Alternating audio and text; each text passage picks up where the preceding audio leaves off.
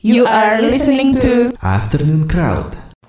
Halo Crowdrunners, ketemu lagi di Afternoon Crowd bareng sama gue Cinta. Kali ini kita kedatangan dua tamu istimewa. Yeay! Hai. Boleh perkenalkan diri dulu ke Crowdrunners? Saya Anya.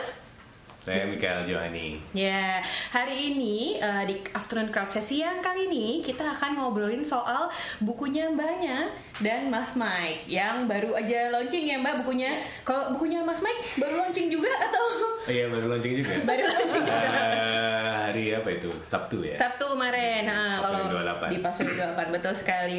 Jadi kat- kita tuh mau bahas soal bukunya Mbak Anya yang berjudul Non spesifik. dan bukunya Mas Mike yang berjudul We are nowhere and it's wow. Wow, mungkin Kratoners bertanya-tanya nih, eh, kenapa ya hari ini yang datang dua orang ini specifically? Jadi eh, sebenarnya rahasianya adalah kenapa? Karena Karena kita kebetulan sama istri. Iya, Kebetulan. kebetulan. Oh iya. Oh, jadi jadi sebenarnya. Sengaja ralat ya. Iya. Hati-hati ini kayaknya Mas Mike nanti pas pulang ke rumah harus hati-hati. Cinta yang harus hati-hati. Oh gitu. karena karena gue yang ya, gue yang memulai pertanyaannya ya gitu. Oke, jadi jadi gini Kratoners. Jadi Mbak Anya dan Mas Mike ini adalah pasangan suami istri yang Ya, sama-sama baru aja ngeluarin buku, eh, buku kumpulan puisi ya, Mbak Anya sama Mas Mike ya. Jadi untuk afternoon card kali ini kita akan bahas secara lebih dalam dan mendetail soal buku keduanya dan juga soal tentu saja soal Mbak Anya dan eh, Mas Mike lebih dalam lagi. Nah, kita langsung mulai aja nih Kratoners. Untuk pertama-tama mungkin kita aku nanya ke Mbak Anya dulu kali ya. Boleh. Untuk buku non spesifik Ya. jadi untuk Kratoners yang belum tahu non spesifik ini bukunya Mbak Anya yang kedua ya Mbak ya. Yang kedua. Yang pertama itu kota ini Kembang kota Api. ini kembang api. Nah, boleh cerita sedikit nih ke Kratoners soal isi buku non spesifik ini. Oke, eh, isi buku non spesifik ini eh, adalah puisi-puisi yang gue tulis dari tahun 1997. Uh, 97 Kratoners. Gua 97. Sampai- Oh. Masih SD kelas. Masih SD lah pokoknya. Hmm, ya. Gue masih TK loh. Wow, wow. Aku salut sekali. Waktu aku SD nggak kepikiran bikin puisi soalnya. Oke. Ini kode ya. Oke. Oke. Dari 97. ya dari tahun 97 sampai 2016. Mm, Oke. Em, dan eh, keseluruhan puisi itu saya bagi. Tadi gue sekarang saya. Gak apa-apa, Kratoners mengerti kok. Oke, Em, terbagi menjadi tiga episode. Dan em, sebenarnya tema tema buku ini em, adalah perjalanan gue Cia. untuk eh, mengerti siapa diri gue sebenarnya. Oh, berarti kalau untuk Kratoners yang em, nanti kemudian baca, aku udah sempet baca loh Kratoners bukunya.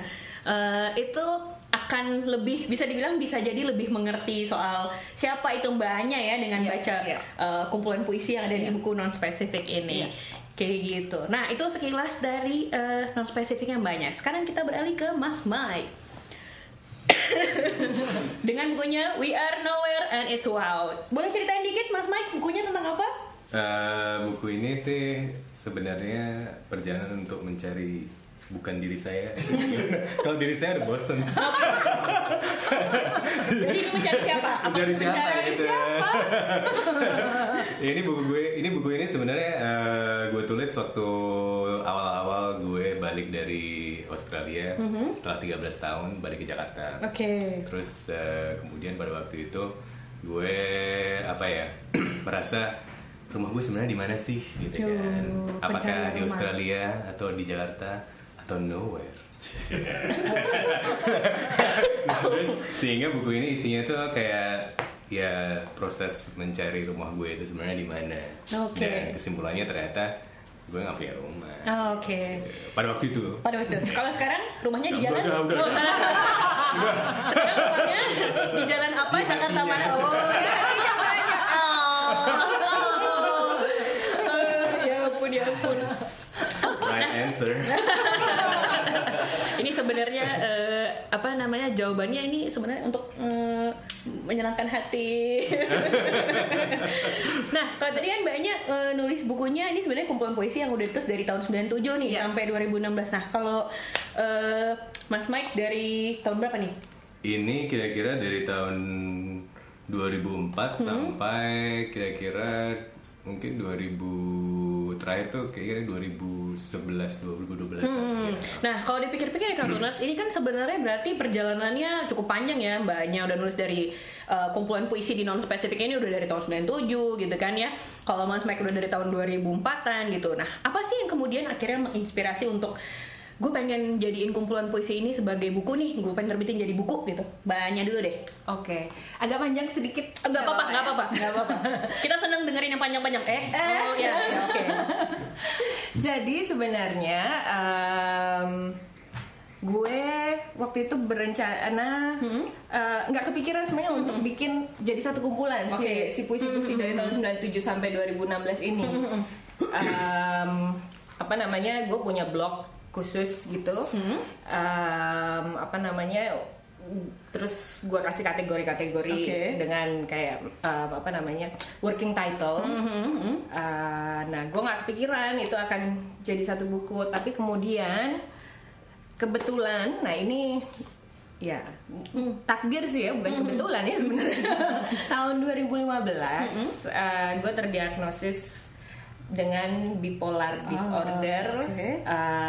non psychosis, non specific. Hmm, oke. Nah, em, di masa-masa gue berkonsultasi dengan psikiater, psikolog dan eh, apa namanya mem- ya menjalani eh, pengobatan, em, gue akhirnya berpikir gitu, kenapa nggak gue satuin aja? Hmm, kumpulan-kumpulan puisi yang tadi Kumpulan online puisi itu soalnya eh, psikiater gue bilang ini mungkin sekalian mental health awareness em, yang Ini penting, penting, banget, penting ya. mental health awareness is so important this day. Iya, iya, iya. Dan em, dia tanya kalau bipolar disorder itu em, sebenarnya adalah sesuatu kondisi yang kebanyakan bawaan dari lahir. Hmm, oke. Memang ada yang em, apa namanya secara secara apa ya secara- secara stru- struktur di neurotransmitter gue Ada masalah. ada masalah. Ah, nah, oke.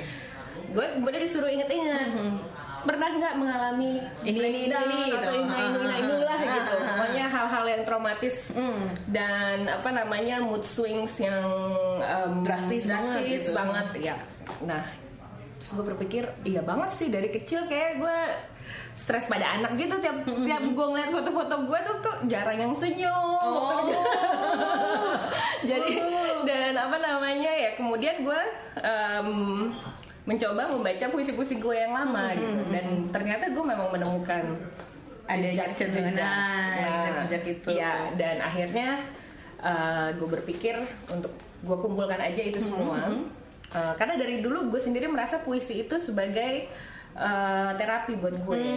Jadi gue bisa segala perasaan dan mood swing yang membingungkan itu tiba-tiba ada di atas kertas bisa gue baca gitu bisa gue lihat dengan mata gue gitu. Nah, dengan menulis puisi Iya, ya. nah, Oh, jadi em, apa namanya gue pikir ya em, oke gue jadiin satu aja. Berarti ini sebenarnya bukunya cukup personal sekali ya, Ya, karena.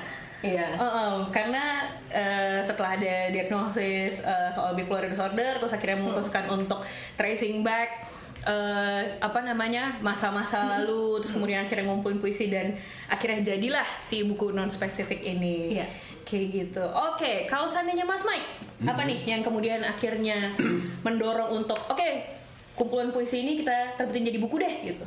Oke, em, dulu sih sebenarnya buku ini sudah pernah diterbitkan secara sangat terbatas tahun 2008. Oke. Eh, dulu kita punya sebelum kita menikah kita punya apa eh, boutique publishing. Oke, Company boutique gitu publishing. kan. Oke. Nggak pay duit maksudnya.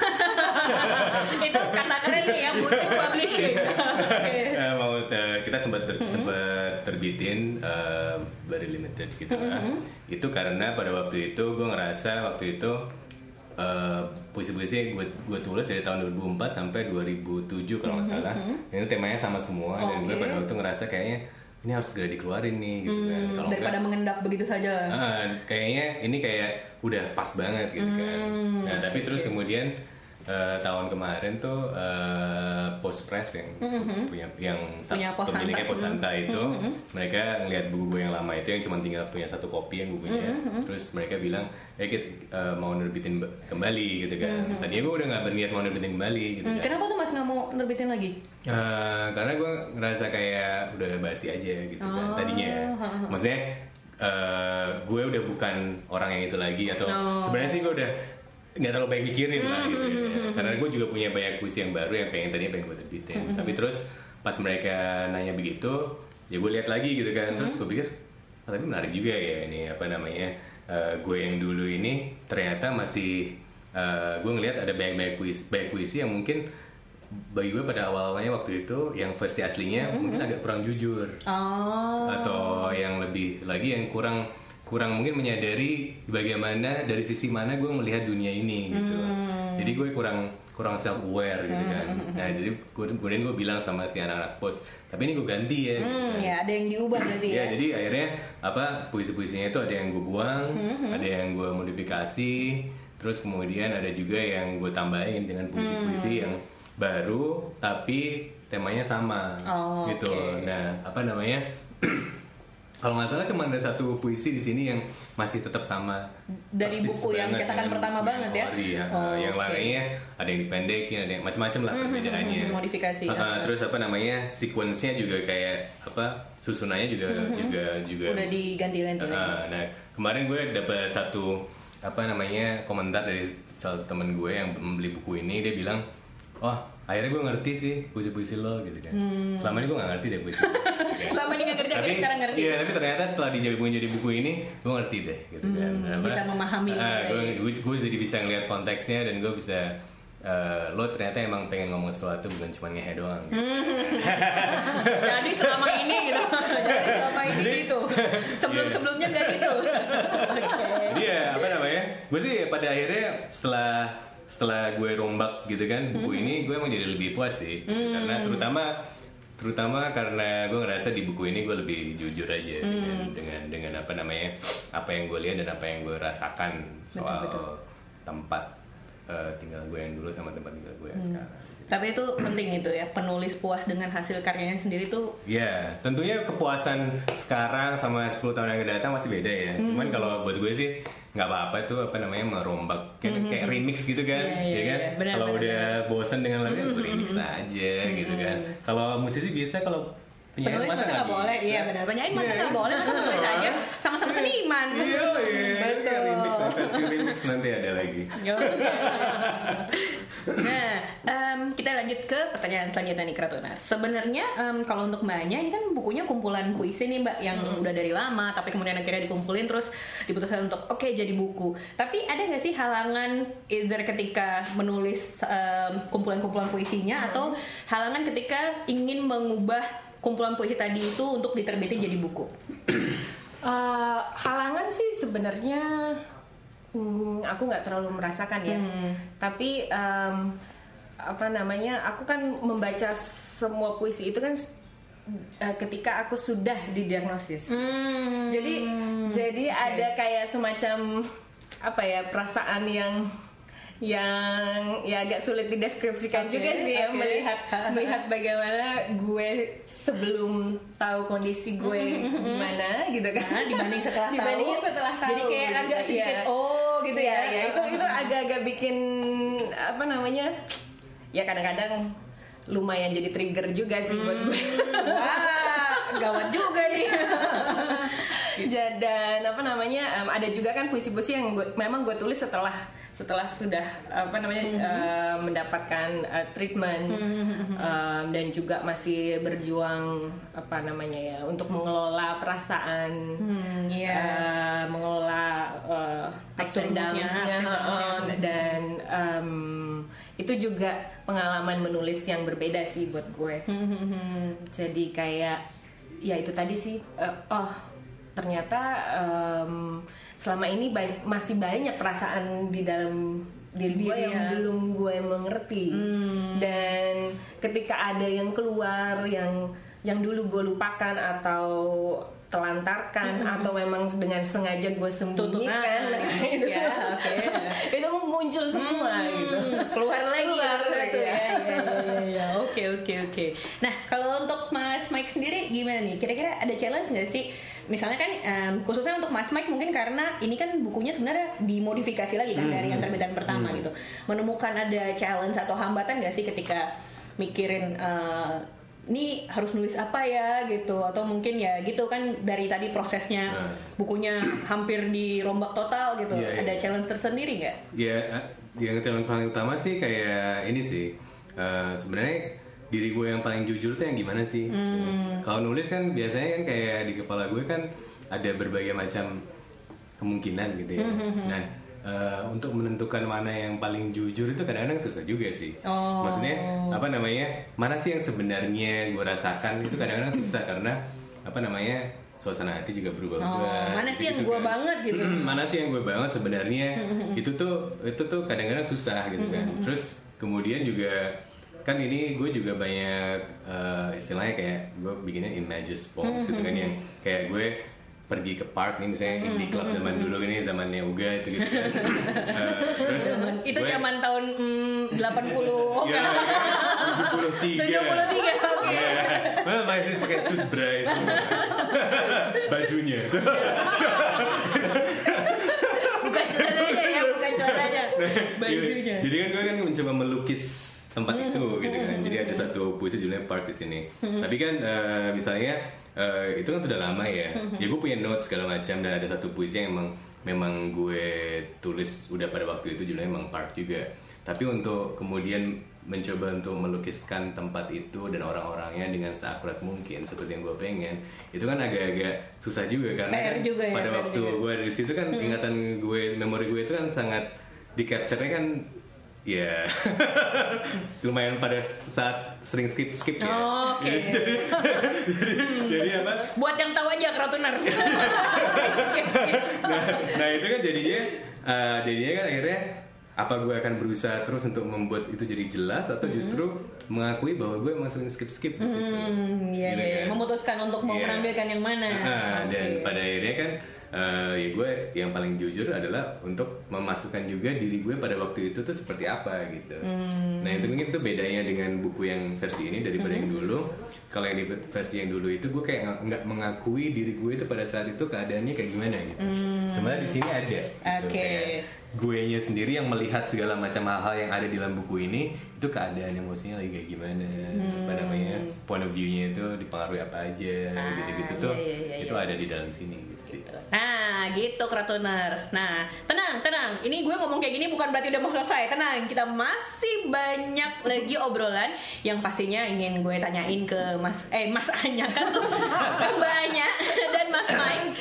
yang pasti kita masih banyak pertanyaannya. Tenang, tenang. Afternoon Crowd-nya belum masih eh, belum akan berakhir. Kita masih ada eh, berbagai sesi. Tapi kita break dulu ya Kratoners ya. Sambil eh, mau mikir-mikir kira-kira eh, nanti mau minta mbaknya sama Mas Mike bacain yang mana ya. Hmm. Tapi nanti akan balik lagi. Tetap di Afternoon Crowd di Gugu Radio. Halo Kratoners, balik lagi di Afternoon Crowds. Masih sama Cinta, masih sama Mbak Anya Rompas dan Mas Mikael Johani juga Kita lagi ngobrolin buku mereka yang baru terbit eh, berapa hari yang lalu ya, kurang lebih ya. Iya, Bukunya minggu eh, lalu ya. Oke, tadi Kratoners yang mungkin eh, baru tune in eh, Kita akan ngobrol-ngobrol soal bukunya Mbaknya yang judulnya non-spesifik Dan bukunya Mas Mike yang judulnya Aku We Are lupa. Nowhere We Are Nowhere and It's Wow gitu. Kita eh, akan pindah-pindah nanyanya gue akan nanya ke Mbak Anya lagi kita Ya. lanjutin dari sesi yang tadi nih Mbak Anya Oke. karena Kratonus pasti masih penasaran Oke. eh, buat Kratonus yang tadi nggak ngikutin di sesi pertama hmm, buku non spesifik ini adalah kumpulan puisinya Mbak Anya yang kemudian akhirnya dijadikan eh, buku karena dukungan atau karena pengaruh ya. Tadi sebenarnya kita udah ngobrolin nih Kratonus tapi Kratonus belum tahu kan? Jadi kita ulang lagi. Ya, em, jadi di tahun 2015 gue terdiagnosis mengidap bipolar disorder, Em, non psikosis non spesifik. Itu sih sebenarnya em, sedikit non eh, apa penjelasan sedikit tentang non spesifik. Kenapa non spesifik? Karena em, waktu itu juga belum belum apa namanya ya perlu perlu pengamatan lebih jauh dan juga melewati tes untuk untuk mengetahui gue tipe 1 atau tipe 2 Oke. Nah, eh, tapi pada saat itu psikiater gue nanya sama gue em, apa yang eh, simptom-simptom apa yang sudah pernah gue rasakan Selama ini. Iya, semenjaknya dari Dari kecil. dari kecil bahkan. Dan apa namanya em, semua itu terangkum dalam puisi-puisi gue yang ada di buku ini. Nah, tadinya sempat ada eh, apa namanya ya obrolan atau pemikiran juga dari gue. Ya obrolan dengan suami gue em, mungkin buku ini lebih baik em, hanya episode tiganya aja yang yang diterbitkan. Oh ya, by dari, dari yang iya. dari yang episode 1 2 3 yang ada Iya, ini tadinya iya, hanya episode 3 aja nih Keraton Iya. yang mau diterbitin. Tapi terus gue kan terbayang-bayang terus dengan eh, dengan pertanyaan dokter gue itu tadi Mhm. gitu. Em, ya memang kalau gue kepingin tahu gue itu seperti apa Mhm. lewat puisi, eh, sepertinya ya harus mencakup harus memasukkan semua puisi yang udah gue tulis. Hmm, dari tahun 97 tadi dari ya, Mbak, ya memang pilihan ya Hmm, pilihan dari pilihan. dari semua puisi yang udah gue tulis tapi harus dari eh, kali pertama Hmm, gue menulis sampai eh, tahun 2016 dan em, itu juga karena apa namanya pertanyaan si dokter gue tadi itu Hmm. Jadi bisa dibilang sebenarnya eh, psikiater dan psikolog pertanyaan itu juga men-trigger akhirnya Mbak Anya untuk oke deh gue ngumpulin si puisi-puisi Iya. ini lagi kita ikat satu menjadi Betul. sebuah buku kumpulan puisi non spesifik ini dan Keraton. oh ya eh, apa episode 3 itu kan em, kenapa dibagi jadi tiga episode karena episode satu itu waktu gue masih single. Episode 2 waktu Ketika gue udah sudah menjadi istri dan ibu. Dan episode 3 eh, tentang pandangan gue em, terhadap lingkungan di sekeliling gue. Tentang tentang kota sih sebenarnya. Karena gue memang juga punya spesifik bukan non spesifik ya spesifik interest. Interest, yes. ya, tentang kota ya, tentang city. kota ya dan ini semua uh, benang merahnya adalah um, kacamata bipolar gue Hmm, iya iya. Jadi tadi kayak yang kita udah pernah bahas di awal nih Kratoners ya. Kalau kan dia Kratoners baca bukunya itu um, will be personally akan merasa lebih dekat gitu ya dengan Mbak Anya gitu karena ini Iya. this book is so personal kan ya Mbak ya. buka-bukaan Buka-bukaan tuh katanya. Hmm, kalau gitu pastikan membaca ya Kratoners. Oke, kita sekarang beralih ke Mas Mike. Tada! Nah, buat Kratoners yang juga ketinggalan nih, uh, gue ulang lagi nih. Jadi ceritanya sebenarnya buku ini dulu pernah terbit tapi um, limited aja ya jumlahnya Ah, gitu. iya, iya. Nah, ternyata uh, We Are Nowhere and It's Wow ini akhirnya kemudian diterbitkan oleh uh, diterbitkan ulang oleh Pos Post Press, uh, ya. Post Press gitu. Tadinya nih katanya Mas Mike sebenarnya sih gue nggak mau lagi nih nerbitin ulang, tapi kemudian di uh, bujuk-bujukin nih sama orang Post Iya, Press. Nah, iya. waktu itu orang Post Press ngomong apa sampai akhirnya dirimu berubah pikiran, Mas? Eh, mereka sih eh, ini sih satu hal yang mereka omongkan yang eh, membuat gue jadi berpikir kembali adalah mereka bilang tapi buku itu ada ceritanya ceritanya menarik. Gitu. Eh, walaupun itu koleksi puisi tapi ada benang merahnya gitu ah, kan. karena satu tema kan ya memang tema. ya. dan terus gue jadi teringat kembali oh iya sih ada sih memang. Coba gue lihat lagi deh eh, benang merahnya itu eh, kayak gimana. Terus setelah gue lihat ternyata benang merahnya memang ada tapi kayak putus-putus dan ada yang nggak nyambung terus keluar segala macam gitu kan. Nah gue jadi malah penasaran gimana ya biar benang merahnya ini jadi lebih ceritanya ini jadi lebih lebih oke gitu. Hmm, benang merahnya lebih jelas dan lebih, nyambung jelas, gitu lebih ya. nyambung dan lebih kayak jedar gitu lah Hmm. nggak kayak malu-malu kucing gitu lah sok-sok Lebih oke sok-sok- lah pokoknya iya, ya. Hmm. sosok menyembunyikan gue sebenarnya pengen ngomong apa tapi kayak em, kayak gue sebenarnya pengen ngomong ke sini terus terus kan "Nggak jadi deh Pengen ngomongnya ke sini tapi muter dulu begini Iya, begini begini iya, baru nyampe iya. sini gitu ya. dibikin jadi joke gimana gitu kan nah, itu gue malah jadi penasaran sendiri Hmm. kemudian kayak oh ya oke juga kali ya kalau apa namanya gue revisi gue remix Hmm, gitu kan Eh, mash up dengan puisi-puisi gue yang apa yang yang yang selanjutnya tapi temanya sama tapi yang Hmm. menjelaskan eh, cerita buku ini dengan lebih jelas gitu jadi terus gue usul sama mereka dan mereka setuju Hmm, oke. Nah, sekarang kita akan masuk ke hal yang agak lebih hmm, lebih semakin personal. Kalau untuk Mbak Anya ini kan sebenarnya buku kedua ya, kumpulan puisi yang kedua setelah uh, Kota Ini Kembang Api.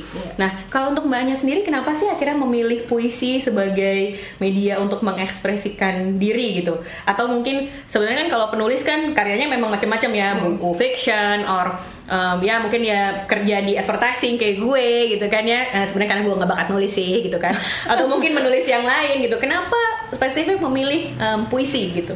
Oke, jadi uh, ini goes way back juga. Uh, waktu gue masih SD, gue udah seneng nulis. Wow. Dulu gue SD senangnya main dan tidur. Jangan ditiru keratunan. Oke, waktu SD dulu dari SD udah senang udah, nulis udah seneng nulis. Eh, cerpen tapi. Oh, cerpen. di buku tulis AA atau bola dunia zaman Wow. dahulu Hmm, kala hmm. itu. Ini cukup. Ini buat yang tahu aja. Eh, kurang lebih kelahiran ya kelahiran 70 sampai 88 lah kurang lebih. Bola dunia dan AA. Ya ya ya ya. ya. Jadi gue tulis cerita cerita pendek eh, dan diam-diam disebar ke teman-teman sekelas gue. Oke, dijual tapi apa disebar gitu Enggak sih, aja? Sebar gitu aja. Oke, paling oke, oke. paling apa namanya eh, yang emang seneng udah ada lanjut lanjutannya belumnya? Oh. Ayo dong, ayo dong bikin lagi dong. Oh, berarti itu itu berarti pencapaian banget itu. Tuh, baru masih SD aja temen-temennya udah penasaran diminta kelanjutan ceritanya. Dulu ceritanya dibikin genre-nya apa tuh, Mbak? Udah lupa gue juga.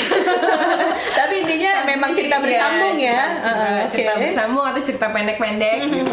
Da- Nah, em, tapi waktu gue SMP atau SMA, nah ini gue agak lupa di- eh, di pelajaran bahasa Indonesia, eh, guru gue waktu itu menugaskan kelas gue untuk keluar ke lapangan dan menulis puisi. Ah, Oke. Nah, that was the very very first time gue nulis Puisi. Oke. Dan apa namanya gue s- seperti kayak apa namanya ya? em, ya ter Revelation Wah, iya, iya, gitu iya, kayak iya. gitu. Wah, ternyata ada kayak beginian Iya, gitu. format ini oke banget gitu karena karena kalau menurut gue eh, menantang bag- eh, karena bagaimana kita men- mencoba mengungkapkan eh, perasaan atau pesan whatever eh, yang message ada yang- di ya, eh, eh, yang ada di kepala kita tapi dalam bentuk yang sing- lebih singkat daripada eh, genre yang lain gitu dan dan gue sangat tertarik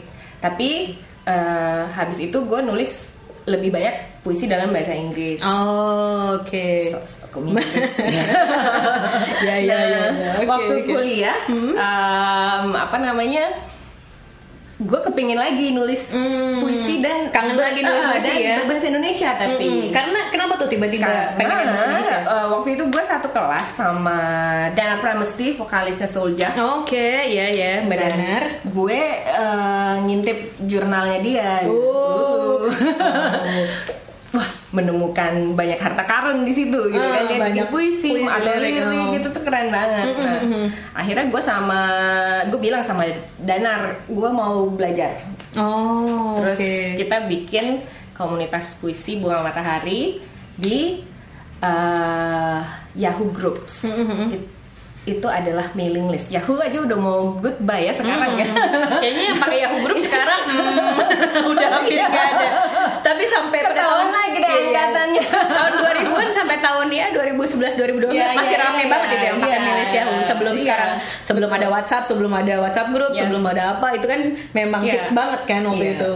Nah dari situ, nah itu kan 97 Nah dari situ gue mulai lebih banyak menulis Menulis dalam puisi. bahasa Indonesia Oh, puisi oke. ya puisi, Puisi. dalam bahasa Indonesia dan Oke. bahkan gue meninggalkan bentuk yang lain gue udah nggak bisa sekarang bikin cerpen Oh, iya iya iya ya karena emang udah cinta banget ya sama kayaknya puisi. nyambung banget Nyambung gitu. banget sama Uh, puisi, ya, uh, gue bukannya bilang in, apa pu- uh, puisi adalah genre yang lebih superior dibanding Enggak, lain enggak uh, gitu uh. tapi ya malang aja gue akhirnya cuma bisa Tapi kayak beberapa penulis yang lain kan bisa bikin novel tapi tapi kalau gue pribadi sebenarnya lebih salut sama orang yang stick to one uh, genre sebenarnya. Apalagi kalau mbaknya kan wow udah terbukti nih kan udah dua dua buku kumpulan puisi udah terbit gitu. Jadi salut lah gitu. Nah, thank you.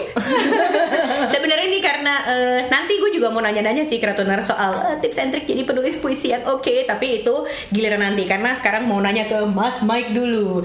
Jadi kenapa nih Mas Mike menggunakan puisi sebagai media untuk berekspresi? Eh, dulu sebenarnya gue gak pengen jadi penyanyi, gue pengen jadi tentara. Oke, jauh, jauh banget ke Ratunar.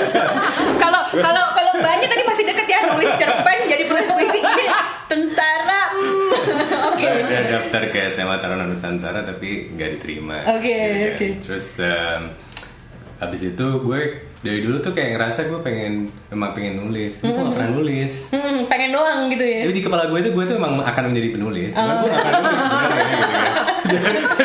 hidup hidupnya di dalam pikiran aja tuh keinginan keinginan terus itu. iya terus kayak waktu kuliah gue kayak nulis buat eh, justru kayak pengennya jadi jurnalis gitu Hmm. kan. nulis nulis di apa koran kul- koran kampus gitu gitu kan terus kemudian gue pengen jadi apa penulis eh, fiksi gitu kan. Oh. Nah, terus gue pernah waktu itu eh, kerja juga di sebuah majalah lifestyle gitu gue pengen jadi penulis kayak feature gitu kan Hmm, kayak bikin feature. profile John Travolta atau apalah gitu kan tapi terus gue lama-lama gue jadi harus mengakui sih bahwa kayak gue nggak bisa berhadapan dengan fakta gitu Hmm. maksudnya gue kalau misalnya habis wawancara terus atau meliput apa terus gue nulis gitu kan pasti gue kebanyakan ngarangnya kemudian Hmm. Oke. Hmm. gitu kan kemudian kebanyakan kebanyakan imajinasinya itu Iya. hasil wawancara. Iya terus ya makanya kan nggak nggak bisa kan kalau kayak gitu bisa, kan bisa. jurnalisme terus kemudian eh, kalau gue nulis fiksi gue juga nggak sabar dan kayak misalnya dia datang ke Oh, apa iya, itu iya, terus iya. dia melakukan ini aduh gue langsung Harus- mau coba langsung langsung Pengennya langsung lompat ke aja ujung aja ke ujung gitu. aja gitu. Terus habis balik lagi ke sini gitu kan. Wah, ini nggak bisa juga nulis fiksi gitu kan. Terus gimana ya nulisnya ya gitu kan. Terus akhirnya eh, ya udah gue tulisin aja semua yang ada di kepala gue gitu kan terus gue pikir-pikir eh, jadinya kayak sedikit-sedikit kayak puisi surreal nih ya udah gue nulis gini aja nih gitu Iya, kan iya, iya, iya. Iya, gue pada waktu itu nggak nggak me- eh, sempet gue nggak me- mau mengakui bahwa yang gue tulis ini puisi atau enggak sih. Gue cuma gue tulis gue nulis nulis aja gitu kan. Pokoknya jadi aja gitu. ya. Ah, tapi waktu itu di waktu itu masih masih di Australia gue pernah eh, ada lagi ada lomba puisi gitu eh, di Sydney tentang eh, tentang kota gitu kan. Terus ya udah deh gue ikutan aja gitu kan. Gue udah punya satu puisi tentang kayak ada barista cewek yang waktu itu gue, gue lumayan naksir atau gimana gitu lah. Banyak tahu nggak soal ini? Tahu tahu tahu tahu ya di, ya. di kafe favorit gue gitu kan ya udah gue apa namanya kayak nulis apa puisi gue tentang bukan cuma tentang dia sih sebenarnya sebenarnya cuma lebih tentang kayak eh, gue ngapain sih nongkrong terus di situ setiap hari bla gitu kan terus tempat gue di dunia ini di- di mana sih apakah, apakah di kafe doang Hujan banget. Ini ini dalam banget. Oh. Oke. Eh, apakah hidup gue ini se-flat flat white gitu Iya. Iya iya iya. nah terus ternyata ternyata eh, puisi itu jadi kayak juara harapan satu atau Oh. apalah gitulah Kaget nggak tapi itu. waktu akhirnya menang juara satu puisi? kaget juga karena gue apa uh, pada waktu itu gue mengira gue kan ya you know I had no hope lah gitu hmm, gitu sebenarnya. ya udahlah kirim aja ya, gitu ya. Maksudnya gue ya gue cuma suka nulis aja hmm. gitu enggak. Tapi ternyata orang lain menganggap itu puisi terus kayak alright yeah, I'm a poet then. Cool. Ya ya ya ya ya ya. ya, ya jadi yang tadinya nggak niat, nggak mengakui gitu ya, sampai akhirnya ternyata bisa dibilang kecebur-kecebur Iya, gimana iya. gitu ya kalau gitu. Nah itu tadi kita udah ngobrol lagi lebih dalam dengan Mbak Anya dan Mas Mike soal bukunya gitu, soal influence di bukunya, soal kenapa akhirnya memilih puisi sebagai uh, medium berekspresi gitu.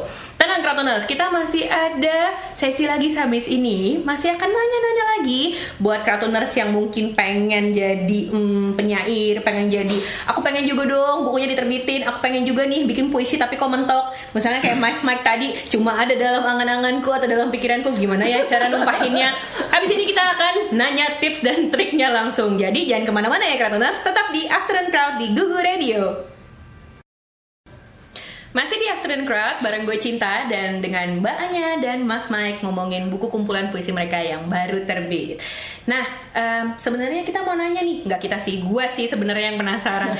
Kalau seandainya nulis eh, buku gitu ya atau nulis em, puisi itu kan biasanya salah satu halangan yang sering uh, dihadapi oleh banyak orang tuh biasanya writer's block nih mbak. Hmm. Nah dirimu menghadapinya tuh gimana? Kalau seandainya pas lagi nulis tiba-tiba lagi nulis di tengah-tengah, terus hmm, ini lanjutannya apa ya? Atau enggak tiba-tiba baru ngerjain satu terus harus ngerjain uh, harus ngelengkapin misalnya another puisi untuk buku tapi tuh hmm. Hmm, kok kayaknya nggak dede ya mau nulis apa nah hmm. itu ngadepinnya kira-kira gimana Uh, selama ini sih gue diemin aja di situ ya, ya, gitu ya nggak usah dilawan oh, lemesin okay. aja lemesin ya selalu aja selalu selalu aja kata jadi kalau kena butter iya. oke oke jadi kayak kalau lo panik gitu kan mm-hmm. kayaknya malah tambah tambah nggak nemu oh, gitu, gitu.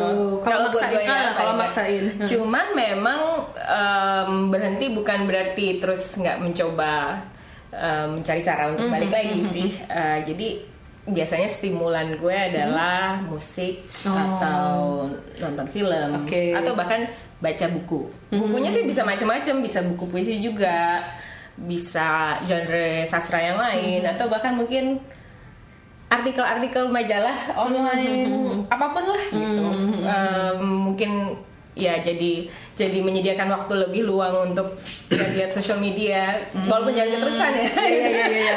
terus itu scroll scroll tiba-tiba ada seminggu lewat ya ngerjain apa apa tiba-tiba nggak jadi satu satu puisi pun. Ya itu. Atau ya uh, kalau misalnya perlu agak agak-agak mood mood nostalgic mm -hmm. gitu ya lihat-lihat foto zaman dulu ah, iya, sama suami iya. sama anak oh, jalan-jalan ke mana iya, iya. biasanya situ nanti ada ide muncul yeah, apa yeah, gitu ya nah gitu tuh keratonar jadi salah satu kuncinya adalah lemesin aja shy gitu ya yes. nah kalau dari Mas Mike nih mungkin tapi sebelumnya mau tanya dulu nih pernah nggak sih ngalamin writer's block gitu pas lagi nulis puisi? Nah ngatasinnya gimana tuh? Itu karena terlalu lemes ya. terlalu dilemesin. Terlalu dilemesin ayo udah gitu kan. Ayo udah ntar aja balik lagi gitu. Yeah. kalau buat gue sih kayaknya gue mengalami itu kalau gue lagi tidak dekat dengan perasaan-perasaan gue sendiri. Um,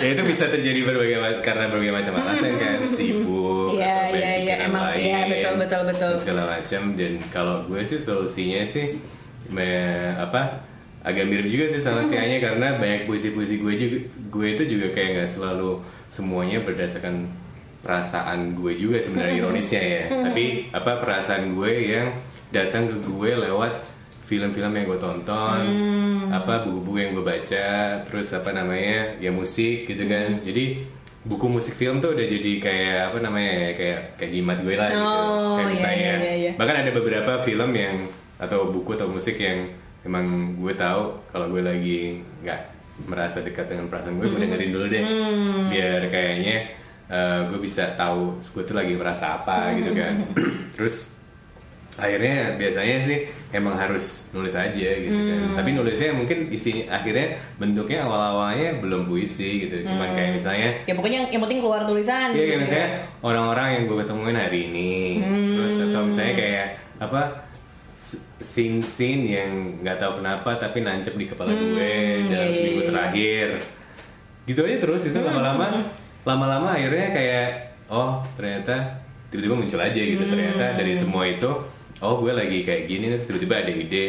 Yang idenya bisa sama sekali beda dengan apa yang tadi gue tulis eh, hmm. uh, sebagai itu bukan notes ya jadi gue kayak nggak itu jadi notes terus gue kayak gitu sih enggak, juga sih. tapi dibiarin tapi, pokoknya ditulis aja gitu uh, ya. itu kayak kadang-kadang gue tuh kayak apa di kepala gue tuh bentuknya tuh kayak misalnya apa ya kayak apa kayak ada banyak awan nih gitu kan terus hmm. tulisannya tuh ada di langit tapi gue harus menyibakkan iya, iya, awannya harus digeser-geser gitu, dulu geser-geser dulu biar gue bisa ngeliat oh di situ gitu kan. Gitu sih kayak. analoginya cakep ya ini penyair tuh emang kayak gitu keraton. Bahkan bercerita menjawab interview pun seperti itu gitu. Nah uh, mungkin nih di antara keratuner ini ada yang pengen jadi um, penyair juga. Atau misalnya pengen aku sebenarnya punya kumpulan puisi nih tapi uh, masih nggak pede gitu pengen pengen ngajuin penerbit gitu. Atau bahkan sebenarnya um, ada yang mungkin masalahnya sama kayak Mas Mike gitu kan ya. Pengen nulis tapi uh, gimana ya gitu masih bingung nih milih format yang tepat gitu. Atau mungkin uh, ya masalah-masalah lainnya lah gitu. Kira-kira kalau dari mbaknya sama Mas Mike ada tips nggak sih untuk kratuners yang mungkin pengen jadi aspiring writer atau poet gitu? Um, tergantung ya kalau hmm. misalnya pertama mungkin eh, bagaimana meng apa ya menerbitkan karya ya mungkin ya. misalnya kalau ah, misalnya udah sebenarnya aku udah sering nulis nih tapi aku nggak pede gitu mau ngajuin ke penerbit gitu Em, pede aja. nyarinya dari mana tuh mbak pedenya tuh mbak metik dari pohon gitu Kalau sekarang gue lihat kan banyak juga komunitas-komunitas puisi Iya. dan em, komunitas-komunitas yang ada sekarang juga punya ciri khasnya sendiri-sendiri. Em, Nggak ada salahnya bergabung bersama mereka. Jadi Oh, eh, oke. apa namanya? em, biar bisa ketemu dengan orang-orang yang punya minat sama, eh, itu akan membantu kita oh oke gue klik sama si ini nih eh gue cocok banget sama komunitas yang ini mungkin komunitas-komunitas itu juga akan entah nanti akan menerbitkan membantu menerbitkan Buku, bukunya gitu iya. atau enggak paling nggak membantu gaining confidence Iya, lah iya, ya iya, gitu iya, iya. bisa jadi juga tuh mungkin eh, aku dulu pernah dengar tuh eh, misalnya kita bisa minta kritik dan saran kali Iya, ya iya, gitu iya, gimana menurut iya. lo puisi gue udah oke apa Iya. belum gitu bisa belajar Iya. banyak juga ya kalau adanya di komunitas pilihannya sih kan sekarang banyak ya maksudnya em, pertama bisa di blog gitu Oke. Em, kemudian kedua bisa banyak penerbitan indie sekarang. Kalau di Google ya banyak banyak, Banyak sekali banget, ya. Mau Eh, bantuin lah ya. mm, Jakarta Yogyakarta itu banyak gitu. Kemudian kalau mau ke penerbitan yang besar eh, ya misalnya seperti Gramedia di twitternya Gramedia juga ada em, apa namanya alamat email untuk mengirimkan naskah. Jadi eh, kirim aja. Kalau ditolak sekali dua kali jangan patah semangat ya mbak ya Betul, kuncinya. betul, betul, Eh, betul. selalu aja kalau tadi katanya mbaknya gitu nanti atau nggak kata mas Mac ya nanti juga ada idenya habis nonton TV habis dengerin Ya. musik gitu kan. Kalaupun sekali gitu kalau dua kali tolak apalah artinya sekali dua kali tolak Iya. gitu kan ya. Yang penting terus eh, berkarya nggak berhenti gitu. Berhenti capai boleh tapi harus terus menghasilkan karya gitu. Bener banget. Dengerin cinta ya. Ya ada yang mau nanya? Mas yang di sebelah sana? Ya ada apa Kalau ini eh, pernah takut ini nggak sih akan dibajak gitu ketika kalian ngirimin ke penerbit gitu tiba-tiba nggak dipakai terus tahu-tahu muncul gitu karyanya gitu Em, mungkin nggak sih kalau Kalau dari gue sih eh, nggak nggak pernah sih mengalami ketakutan itu sih gak. Mungkin lo perlu counseling kali ya. terus kemudian ini berubah jadi sesi curhat Untuk menghadapi ketakutan itu ada beberapa langkah.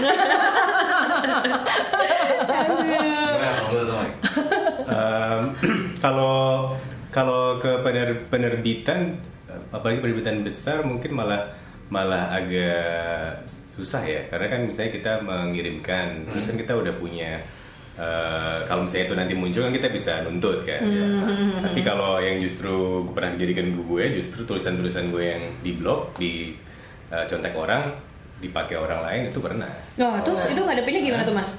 Ya, labrak aja orang ya ya ya ya ya. ya. Simple sekali jawabannya, ya. straight forward, straight forward. Nabrak aja. Oke. nah kalau yang gitu kayak gitu tuh em, apa namanya ya sekarang ada copyleft atau whatever Hmm, gitu ya tapi menurut gue yang paling penting kan sebenarnya eh, yang sering terjadi atau pernah beberapa kali terjadi itu adalah yang kalau misalnya nih eh, misalnya kayak lo nyempel Hmm. nyempel musik nih nyempel musik dari dari Rihanna gitu Oke, kan oke. terus lo apa uh, sampelnya itu lo rilis di Indonesia Mm-hmm. kan lo berasumsi orang orang lain semua udah tahu dong itu pasti Mm-hmm. sampel dari Rihanna gitu kan so that's totally fine gitu kan Mm-hmm. karena lo ngambil dari seorang yang powerful lo kasih ke scene yang less powerful Mm-hmm. gitu kan jadi ada relasi kuasanya nggak apa-apa lah gitu tapi yang jadi masalah adalah kalau misalnya lo misalnya seorang penulis yang udah lumayan terkenal kemudian lo nyuri dari seorang blogger yang orang nggak tahu tapi terus itu lo rilis di apa scene mainstream nah itu jadi masalah kan Hmm. Iya iya iya Gitu iya. kan. iya. Nah, Karena merugikan juga kan untuk yang, yang dicuri yang karyanya. dicuri itu Ah, gitu. ah, ah. Tapi kalau misalnya jadi kalau kayak gitu, orang-orang kan sekarang sukanya kan ya kan ini kan intertekstualitas atau apa namanya? Kan orang kan sekarang bisa mash up, bla bla. Bikin Ini kan kayak yeah. sampling. Ya oke, it's fine. Tapi uh, samplingnya sendiri in itself is fine. Tapi lo harus melihat relasi kuasa di situ gitu. Kalau relasi kuasanya nggak imbang, itu jadi masalah gitu sih. Cuman itu ya apa namanya? Kalau di gue sendiri cuma baru terjadi beberapa kali sih. Dan beberapa kali aja Beberapa kali kan? lumayan ya. Nah itu tinggal tinggal disikat kan. Iya. Sosial media kan kecil. Ya, ya, gitu ya, kan. ya, ya, Sosial media so powerful ya. Hmm, Ya, ya, ya, ya, ya, ya, ya. Nah, balik lagi deh ke pertanyaan tadi tuh Mas Mike. Kira-kira ada nggak sih tips and trick untuk mungkin aspiring poet atau aspiring writer, crowdtuners di luar sana gitu yang hmm, pengen nulis puisi nih tapi mulai dari mana ya gitu. Ya itu itu memang ada dua hal sih yang kayak agak bertentangan sih. On the one hand, kalau lo mau nulis, emang lo harus nulis aja, ya kan? Lo nggak peduli lah, pokoknya lo nulis nulis aja. Tapi kalau misalnya tujuan lo adalah misalnya pengen jadi terkenal Oh, atau oke. apa namanya jadi Terelie lah atau jadi apa gitu kan.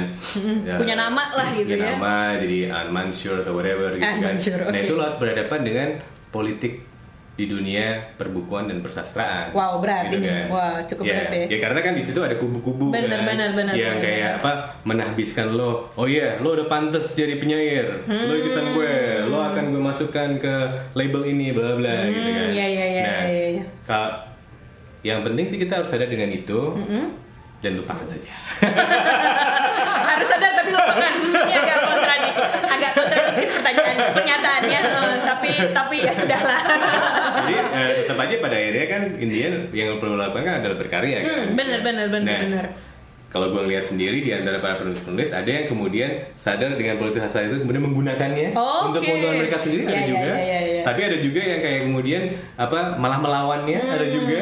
Ada juga yang apa sama sekali nggak peduli dengan itu apa eh, pokoknya berkarya aja juga ada. Jadi itu kemudian tergantung nanti eh, apa namanya eh, apa namanya ke eh, apa ideologi lo sih kalau menurut gue gitu. Iya iya iya. iya. Jadi sih intinya memang uh, kuncinya adalah terus berkarya gitu ya, nggak mudah menyerah gitu. Dan emang uh, ini tadi ada keyword, uh, ada kalimat yang sangat sangat gue juga mengamini itu bahwa kalau lo mau nulis ya lo harus nulis gitu. Nggak bisa tuh keratoners misalnya gue pengen jadi penulis, gue pengen jadi penyair, tapi terus lo tidak melakukan uh, action apa pun gitu Iya. karena ya namanya pengen jadi tulisan ya harus dituangin dong idenya gitu. Nggak bisa tuh ngarepin gue punya ide tapi orang lain aja yang nulis bisa nggak ya? Hmm, itu mah namanya pemalas gitu ya. Bukannya emang nggak bukannya nggak punya bakat itu mah namanya males Kratoners gitu. Nah kita ini udah sempat ngomongin bukunya mbaknya udah sempat ngomongin uh, bukunya Mas Mike udah sempat ngomongin proses pembuatannya suka duka uh, challenge-nya gitu. Kira-kira kalau boleh tahu nih dikasih contekan ke depannya ada rencana apa kalau boleh tahu mbaknya Eh, ya berhubung peluncuran kami berdekatan waktunya, eh, kami juga berencana untuk bikin roadshow. Oh, Ya. so buku non spesifik dan where are- we are nowhere and it's wild. Ya. Dan judul turnya ini adalah Relationship goals. Oh, ini beneran nggak? Beneran nggak? Beneran nggak? Aku, aku telah dihibur. Memang didesain untuk bikin kesel orang. Ya ampun, ini dikirain, dikirain aku ditipu ternyata benar.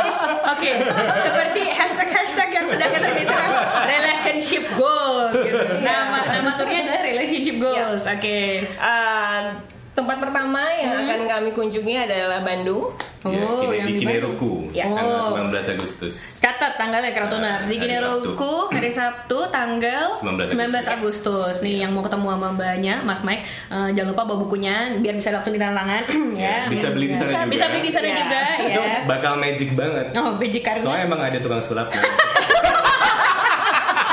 beneran literally magic karena ada tukang Magic, sulap. iya, Literally beneran. magic. Oke oke oke oke. Wow, ini ini roadshow yang sangat ajaib sekali. Kratoners. Bawa tukang sulap. Udah disalahin sama Kineruku. Baru kali ini ada roadshow buku bawa tukang sulap. Oke oke oke. Jadi harus datang. Oke. Tadi ke Bandung tanggal 19 Agustus, Ya. kemudian Kemudian ada beberapa kota lain sih yang Habis itu kayaknya mungkin Jogja. hmm, oke. Eh, kayaknya mungkin Solo. eh, Iya, kemudian Solo, kemudian mungkin Surabaya sebelum you know, orang bosan lah. Oh. Iya, iya, mumpung Kalau masih hangat gitu Iya, ya. yang di Iya. Jogja apa kayaknya di apa sih di di sebuah bekas masjid di Oh. kota gede gitu. Oh, ya ya ya ya ya. Ya jadi buat eh, cartooners yang ada di Bandung, di Jogja dan Surabaya, tungguin aja kedatangan em, pasangan ini roadshow dengan relationship goals membawa buku Mbak? ada dong. Oh. Oke, ada. selain pertunjukan sulap tadi ya. Iya. selain pertunjukan sulap Kalau untuk puisi sulap sambil puisi ada yang sulap gitu. Hmm, ini pasti jadi eh, ajaib karena belum pernah kayaknya yang kayak begini. gue minta sih sama tukang sulapnya bisa nggak bro kalau misalnya lo bikin apa jadi apa puisi gue terus disulap terus jadi kayak puisinya Sapardi gitu. Iya.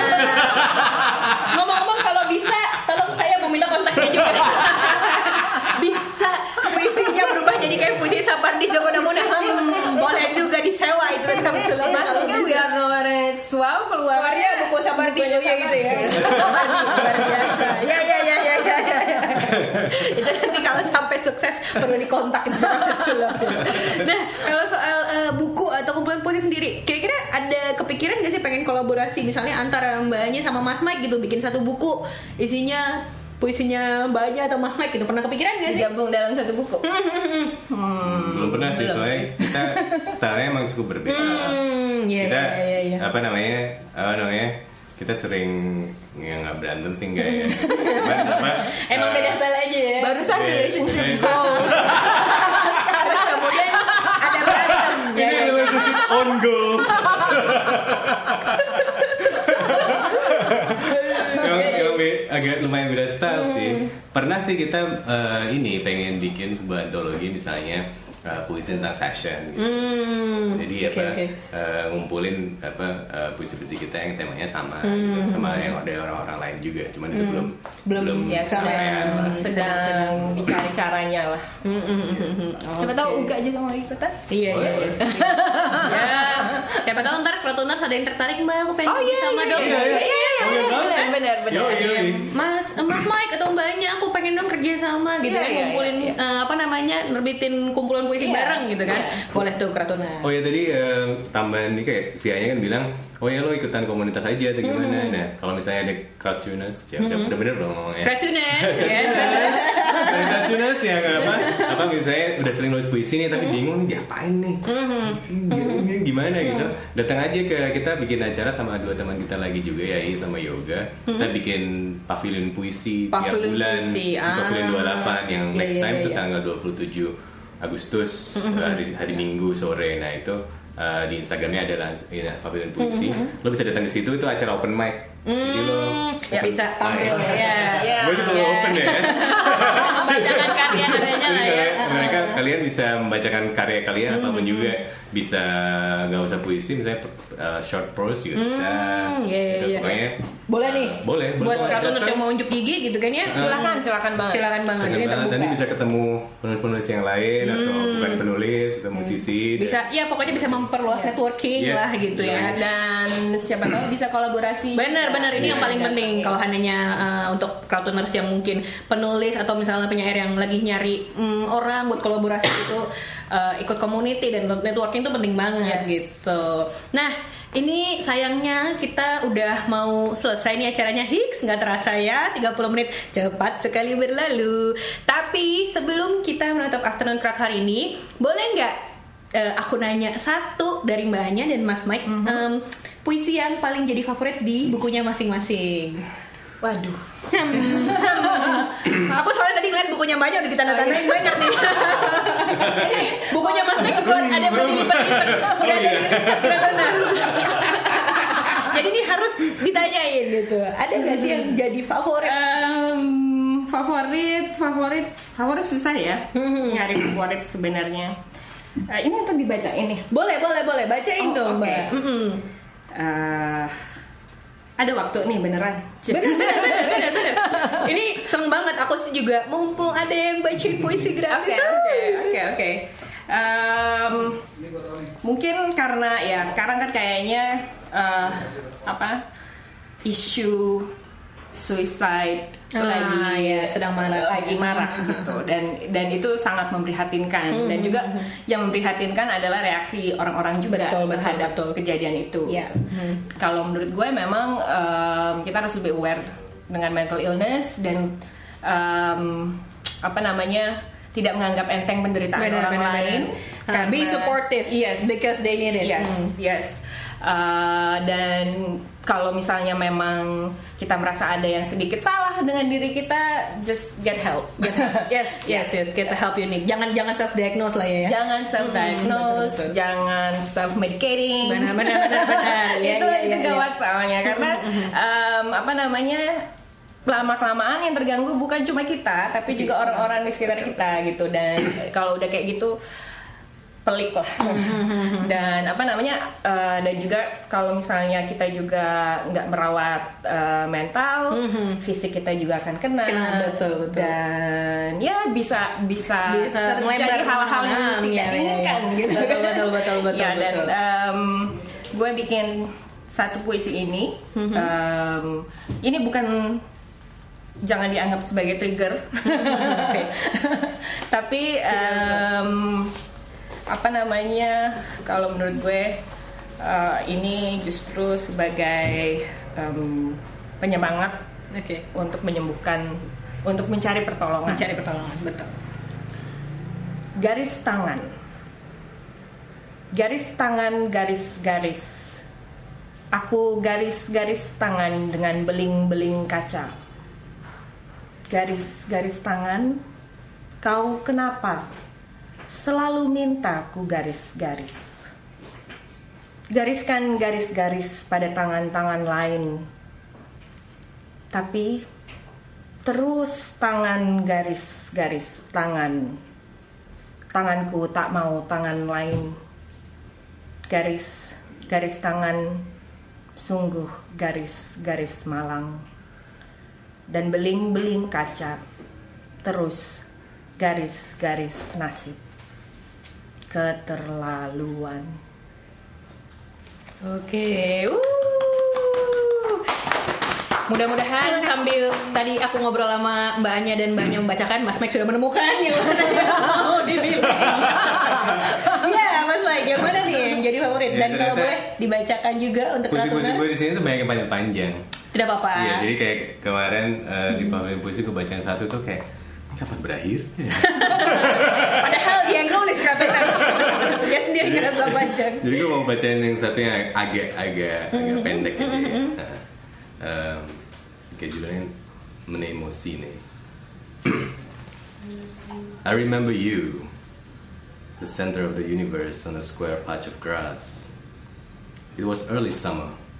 The grass was the color of your hair, blonde, bits of dark, natural roots. You were sitting on a green bench, regulation issue, Parks Department, with one of the crossbars on its back missing. You were sitting, leaning forward into the sun when I saw you from behind the hedge bush. Trim, immaculately like always, in that city of Buddhist order. You are wearing peasant dress, black with gray, almost invisible lines running through the black. Black, imitation Iron Williams, green, cotton socks. I remember your pale, pale chicken legs. The copy of Carrie Fisher's Surrender the Pink you weren't reading, lying abandoned next to you.